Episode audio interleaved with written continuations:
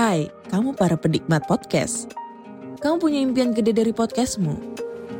Terus First Story bisa banget bantu kamu. Mulai dari F-Link, Dynamic Audio Insertion, sampai statistik yang komprehensif. Semua ada di First Story. Gak ketinggalan kamu bisa monetisasi podcastmu lewat iklan dari First Story Ads yang bisa kasih kamu penghasilan dari setiap place podcastmu. Yuk gabung sekarang dengan klik di firststory.me. Sekali lagi, klik di firststory.me. Mari kita bawa mimpi podcastingmu menjadi kenyataan.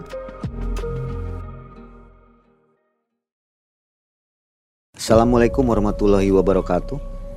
Selamat malam sobat malam mencekam. Bagaimana kabar Anda hari ini? Mudah-mudahan semua dalam keadaan sehat walafiat ya. Saya Mang Ei dan tim kembali hadir mengantarkan kisah-kisah mistis, misteri dan juga horor ke hadapan Anda.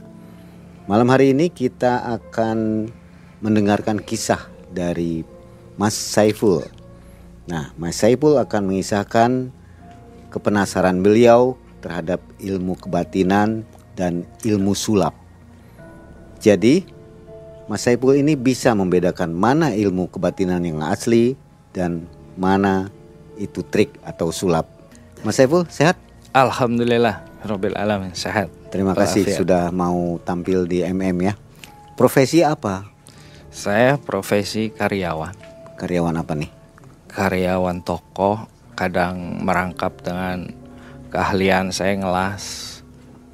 Jadi pesulap juga Ya. wel- welder ya, Eh, mengelas iya pekerja tetap. Pesulap sih hanya seni, hiburannya. untuk hiburan semata. Cuman kan zaman sekarang orang disalahgunakan sama oknum-oknum paranormal ini yang semakin ke sini kan, waduh parah, ampun. Ini kisah nyata ya. Mulai dari tahun berapa Mas Saiful? Mulai dari tahun 86 saya kecil sudah mengalami hal-hal gaib dulu. Oke. Dari tahun 86 ya, awal muasal kisah ini terjadi. Iya. Oke, kita langsung dengarkan kisah dari Mas Saiful. Silakan Mas.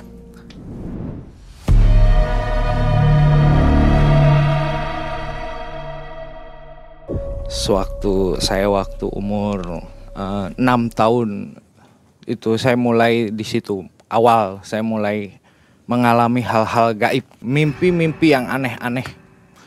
Dari tidur saya kadang nangis, nangis ketakutan. Sekitar umur 10 tahunan mulai di situ bertambah mimpi. Makhluk tinggi besar. Kadang saya tidur posisikan di belakang jendela. Itu jalan perasaan tuh. Dan melongok. Orang tinggi besar hitam. Melongok. Yes karena kecil ya takut takut sampai nangis nyari orang tua meluk. Saya itu udah su- suka kerasukan kecil tuh. Suka kerasukan. Satu kampung tahu semua saya. Nangis sampai suaya-waya kayak ka- kalau orang Jawa bilang suaya-waya itu guling-guling. Guling-guling sampai kadang orang tua saking bingung diikat saya itu ya bisa lepas. Sampai mau bunuh diri katanya mau masuk sumur katanya. Ingin nyemplung sumur katanya bunuh diri katanya. Saya pun aneh masa kalau pas sadar itu kan. Sewaktu itu kan saya lagi kerasukan apa di situ ada orang tua lah sesepuh di situ yang termasuknya orang punya ilmu kegaiban juga. Dia kiai. Kadang kalau saya lagi kerasukan panggillah beliau sekarang dia sudah almarhum nah mulai di situ saya mulai bertambah dan beranjak dewasa terus saya menemukan buku punya orang tua primbon tulisan orang tua langsung. Di situ saya mulai baca baca perlahan-lahan dilihat dilihat ini bacaan apa, ini bacaan apa. Saya pun tanya ke orang tua. Pak, ini bacaan apa? Langsung orang tua ngambil, kamu ngambil sembarangan aja kan. Sini, simpan lagi. ya namanya anak waktu kecil penasaran ya selalu diambil lagi sumput-sumputan dari orang tua diambil dibaca dan tahu ada di situ ada tata kerama aturan di situ ada kayak kalau pedukunan sih kan ujub. Di situ ada cara buat rujak uni atau apa. Itu saya yang tidak berani dan sampai sekarang pun tidak boleh sama orang tua. Nah, di situ akhirnya saya minta penasaran. Ya sudah dikasihlah sama orang tua. Kamu amalkan saja ini. Apa? Doa kijibrifai. Puasa suruh puasa. Saya nurut tiga hari empat hari pati gini mutih. Saya ikuti. Nah di situ mulai saya mulai ada keanehan hal gaib yang merasuk di badan secara langsung di situ mulai. Setiap saya zikir malam dan membaca itu kalam ilahi kiji priva itu sesemutan semutan dari kepala sampai ke kaki. Dan akhirnya pun sukses. Saya tanya setelah Alhamdulillah saya sukses puasa saya berhasil untuk apa ini sudah pegang saja untuk keselamatan ya sudahlah namanya orang tua ngasih pasti untuk kebaikan untuk anaknya kan seperti itu. Di situ saya mulai bergelut dengan hal-hal kegaiban itu, belajar sampai terbengkalai semerawut sekolahan saya. Sekolah sewaktu itu kan saya masih sekolah. Kadang karena zikirnya melebihi batas daripada umumnya orang mestinya belajar, saya zikir kadang ke musola malam-malam itu melakukan sholat hajat, sholat tahajud, paginya kadang suka ketiduran, tidak sekolah. Seperti itu. Orang tua, kamu tuh sekolah gimana? Ya saya bakal semangat. Asal saya minta yang minta bacaan ini lagi yang waktu itu saya pernah buka kan. Haduh katanya. Kata bapak, kalau saya kasih sekolahnya semangat lagi ya. Iya.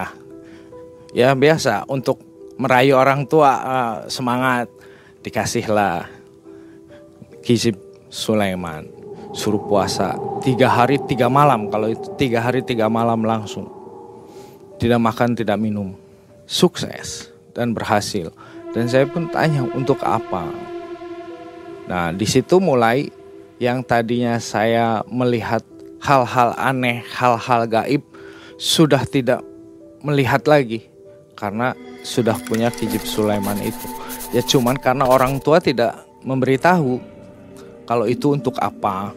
Ternyata kan yang namanya dari ajian Sulaiman itu kan menundukkan makhluk seperti bangsa seperti itu. Di tahun 97 98 saya mulai buka usaha warung di situ. Dari buka mulai jam 5 sore sampai subuh. Saya bertemu kawan-kawan saya kenal dengan yang lain, banyak dari tamu. Terus mereka ternyata mereka-mereka itu orang-orang magician, pesulap-pesulap. Nah, di situ saya mulai berkumpul dan belajar. Ah, oh, trik sulap. Oh, berarti ilmu ini di gaib-gaib ini nih seperti ini. Ternyata permainan, bohong. Ilmu seperti ini, oh, alatnya seperti ini dan ada semua alatnya seperti ini. Hmm, dan sampai akhirnya saya beli alat-alat sulap yang lain mengikuti dan saya kadang menghibur untuk teman-teman di warung kalau lagi ngopi pada apa saya hibur. Dan di situ mulai orang menganggap saya keanehan. Yang tadinya saya biasa di situ mulailah terkenal saya dibilang abah abah mulai orang pada menyebut saya dukun bahkan. Bahkan di situ saya pun ya merasa tersinggung juga sakit dibilang seperti itu tuh saya tidak mau. Saya sebetulnya hanya memainkan sulap cuman saya sudah ngomong ini sulap tapi mereka beda pemikirannya. Tapi saya tidak pernah membuat seperti kayak oknum-oknum paranormal yang lain yang apa memanfaatkan. Tidak saya tidak pernah. ilmu ya ilmu. Sulap sulap. Di situ. Nah mulai di situ saya pernah dari awal teman ikut ada yang sakit kerasukan. Saya obati sembuh. Cuman saya pegang sembuh. Mulai di situ mungkin dari kawan-kawan saya si Ipul katanya bisa si Ipul bisa penasaran lah. Sampai tangga kampung panggil. Wah di situ sudah banyak orang yang lagi kerasukan. Sudah banyak air dari orang-orang bisa itu. Airnya orangnya masih. Begitu saya masuk cuman saya baca Kijib Sulaiman saya langsung sembuh. Cuman pikir saya di situ karena masih ada air. Ya sudah tinggalkan saja. Selang berapa hari tiga hari kemudian panggil lagi. Kumat lagi gitu datang lagi. Baru saya obatin kasih air. Sebenarnya saya tidak mau begitu kan tuh tapi ya gimana lagi? Karena mulut dari mulut kasih sembuhlah. Sampai ada orang bayi yang kerasukan. Bayi melotot sakit. Karena saking sakit melotot. Saya mulai di situ. Saya baca lagi kejib ya alhamdulillah sembuh.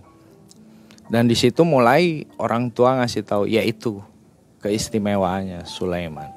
Kamu sudah punya itu buat pegangan badan kamu supaya kamu tidak apa membahayakan badan. Belilah Asmaul Husna. Hijib benteng kata orang tua sih itu. Asmaul Husna. Saya puasa beli satu hari satu malam. Situ saya sukses kembali dan semakin di situ orang semua orang memanggil saya abah abah yoyoy dan ya awal abah itu emang dari sebetulnya ejekan awal dari kecil. Karena saya sudah rambut sudah putih dari dari kecil SD saya sudah rambut sudah robah. Mungkin dari gen orang tua. Di situ mulai abah abah abah semua pada ngeledek ya saya biarkan saya terima biarin. Orang pikir bercanda. Udah sampai sekarang nempel itu. Dan saya punya julukan Abah Yoyoy ya dari kawan-kawan saya semua. Dan terus saya tidak di situ saja karena saya punya trik-trik sulap dari kawan-kawan saya yang lain. Kadang saya masih penasaran hal gaib apa yang sampai sekarang saya penasaran itu. Saya tetap penasaran di situ di tahun 99 2000 saya dapat info dari kawan saya. Ada katanya yang benar-benar punya gaib asli daerah Sumedang. Datanglah saya ke sana. Sampai di situ pun saya dapat keanehan juga. Ada nenek-nenek ya saya disambut dari nenek-nenek itu. Punten mau ketemu uang ada. Oh, uangnya ada di atas padahal di rumahnya ya pikir saya lagi pergi turun lagi lah saya tuh dan balik lagi setelah duhur. Setelah azan duhur saya sholat duhur dulu balik lagi masuk. Ternyata nenek-nenek itu tidak ada. Masuklah saya tuh. Dan di sana saya disambut. Pertama disangkanya saya ingin menantang padahal tidak. Saya ingin berguru dan ingin belajar di UA. Mulai di situ saya mulai benar-benar masuk ke goa yang gede. Dan di situ mulai saya diuji nyali benar-benar gaibnya ada. Jin benar-benar dan di situ saya ditendang. Badan saya belakang kaki sebesar punggung saya. Seperti besi keras. Berarti benar gaib itu ada. Mulai di situ saya suka silaturahmi ke Uwa. Dan mulai sharing tukar pikiran, kadang minta bantuan ke Uwa. Saya pun menekuni ibadah kembali. Tambah getol ibadahnya. Dan di situ saya sudah agak menjauh dengan saudara-saudara saya yang apa sih karena sudah punya kesibukan masing-masing mereka. Ya saya juga sebagai pekerja karyawan toko kadang ya sudah sibuk dan situ pun saya di warung jualannya sudah tutup dan sudah di rumah kadang jualan. Dulu kan begitu. Jadi setelah penasaran hilang, kemudian diperdalam ilmu sulap. ya diperdalam ilmu sulap. Suka sharing kalau waktu masih warung ada saya suka apa kumpul dengan kawan-kawan. Di situ saya suka apa tukar ilmu bertukar trik Pernah mencoba untuk menggabungkan ilmu kebatinan dengan trik sulap? Oh tidak pernah. Nggak pernah. Saya malah mendoktrin orang-orang yang ke warung saya bahwa ini sulap. Jangan terperdaya dengan sulap. Apa yang paranormal oknum sekarang nih, paranormal paranormal. Saya memberitahu kepada mereka-mereka hati-hati, sulap-sulap, ilmu ilmu. Begitu. Jangan disatukan ya. Tidak bisa. Hmm. Nah, kalau misalnya penasaran nih saya, mungkin Iya. penonton juga penasaran, bisa nggak mempraktekkan trik sulap bisa merubah kertas jadi uang mm-mm. yang digabungkan dengan ilmu kebatinan akhirnya orang percaya. Ya. Nah, ini bisa nggak dibuktikan oleh Mas Saipul sekarang nih? Insya Allah saya bisa. kasih kertas, Iya, tolong dipraktekkan berubah jadi uang. bisa. Oke, terima kasih. Tolong nih kru Coba saya minta kertas. Dan ya, ini kertas kosong nih ya. Kalau apa oknum, oknum paranormal, dukun-dukun kadang kan menarik uang.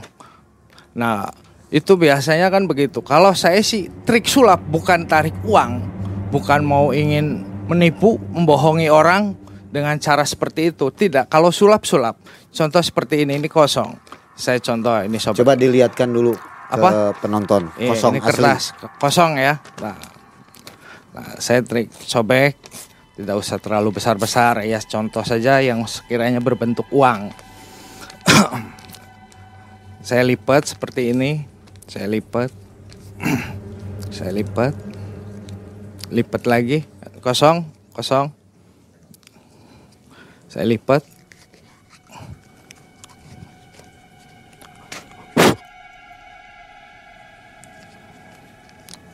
Uangnya akan robah dengan sendiri. Kertas akan robah menjadi uang. Luar biasa. Tepuk tangan, tepuk tangan. Ah, terima kasih, terima kasih. Ini Ah, luar biasa nih 50 ribu. Nah, ini paranormal. Kalau memang dia paranormal bisa mengandalkan uang, tidak usah jadi dukun. Dia otomatis kan sudah kaya.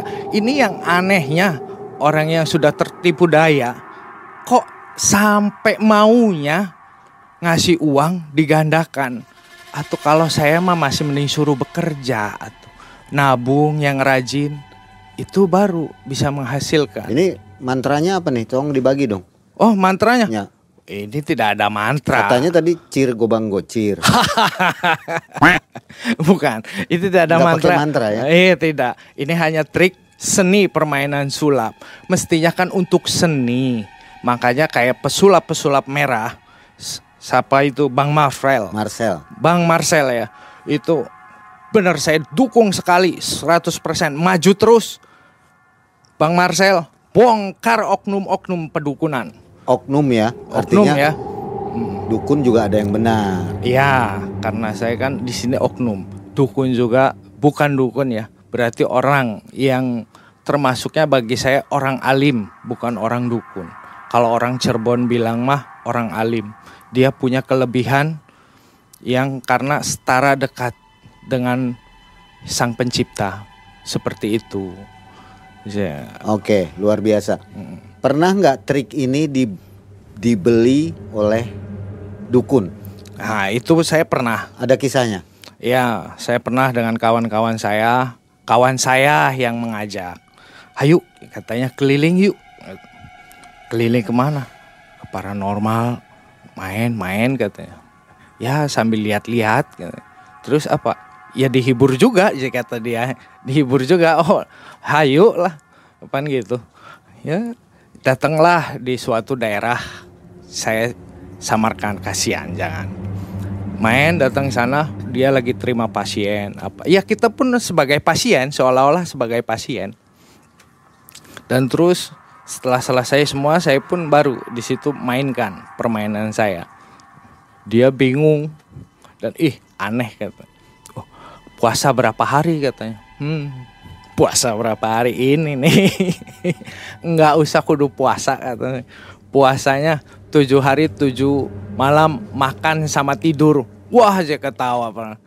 Dapat saya sulap itu yang tadi sulap. Wah sulap masih kayak gitu katanya ya terserah kalau bapak mau boleh. Saya teman saya yang bilang buka harga sekian. Kalau mau boleh. Tapi saya sih pak maaf ya saya bukan jual ini saya jual seni pak.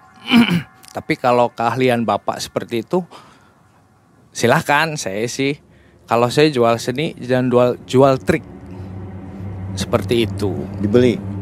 dia dibeli. Berani cuman berapa kali saya sudah tidak ikut nah mulai di situ saya mulai ya menjauh tidak memang karena mungkin teman-teman saya banyak apa sih kesibukan dari yang lain apa Makanya juga awas tuh kayak paranormal yang apa keluar paku kan gitu. Bisa dipraktekkan juga? Wah bisa. Tapi enaknya itu lebih seolah-olah ada mediator. Mediator. Ya, uh. Wah boleh nih kayaknya. Trik dukun oknum mm -hmm. mengeluarkan paku dari dalam perut, yeah. apa silet semua oh. itu. Saya itu pun trik bisa. atau apa? sebetulnya trik yang namanya orang sakit itu sampai yang kasarnya dibilang santet atau apa tidak seperti itu dan sampai bisa keluar paku ya mungkin ada tapi yang setahu saya yang pernah mengalami hidup sampai sekarang ya tidak pernah mengalami apa tahu yang namanya santet seperti itu gitu. Itu permainan sulap. Cuman ya oknum dukun yang tidak baik yang tidak benar memanfaatkan ya seperti itu. Jadi seolah-olah wah nyata. Ya saya pun bisa. Ban pernah kawan saya pun datang ke orang pintar begitu dukun diobati seperti itu. Wah keluar paku katanya. Kamu ada yang nyantet? Aduh saya pun bisa itu bisa sembuh karena sugesti ya sebetulnya dari sugesti bisa yang lebih baiknya sih yang sudah pasti ke dokter begitu. Jadi memang nggak ada kalau dukun sebenarnya bisa mengeluarkan ada paku dalam perut. Ada. Itu sebenarnya ada atau tidak? Ada. Ada. Secara ya, goibnya ada. Secara goibnya ada. Saya Hanya pernah. dipakai oleh oknum. Iya. Supaya lebih dahsyat gitu. Lebih dahsyat. Dan terus bukan seperti itu cara pengobatannya yang saya tahu. Kalau yang asli seperti apa? Prosesnya biasanya doa dengan gitu sembuh dengan doa dikasih air kan begitu yang setahu saya seperti baru itu baru dikeluarkan iya benda-benda itu mm -mm. berarti benar ada ya betul ada bisa nggak praktekkan trik sulapnya? Wah bisa. Jadi cara membedakan kebatinan yang benar dan kebatinan yang bohongan mm -hmm. bagaimana caranya? Supaya kita tidak tertipu. Oh begitu. Gampang satu lihat dari si apa orang pinternya itu atau yang kiai itu biasanya ahli ibadah terutama.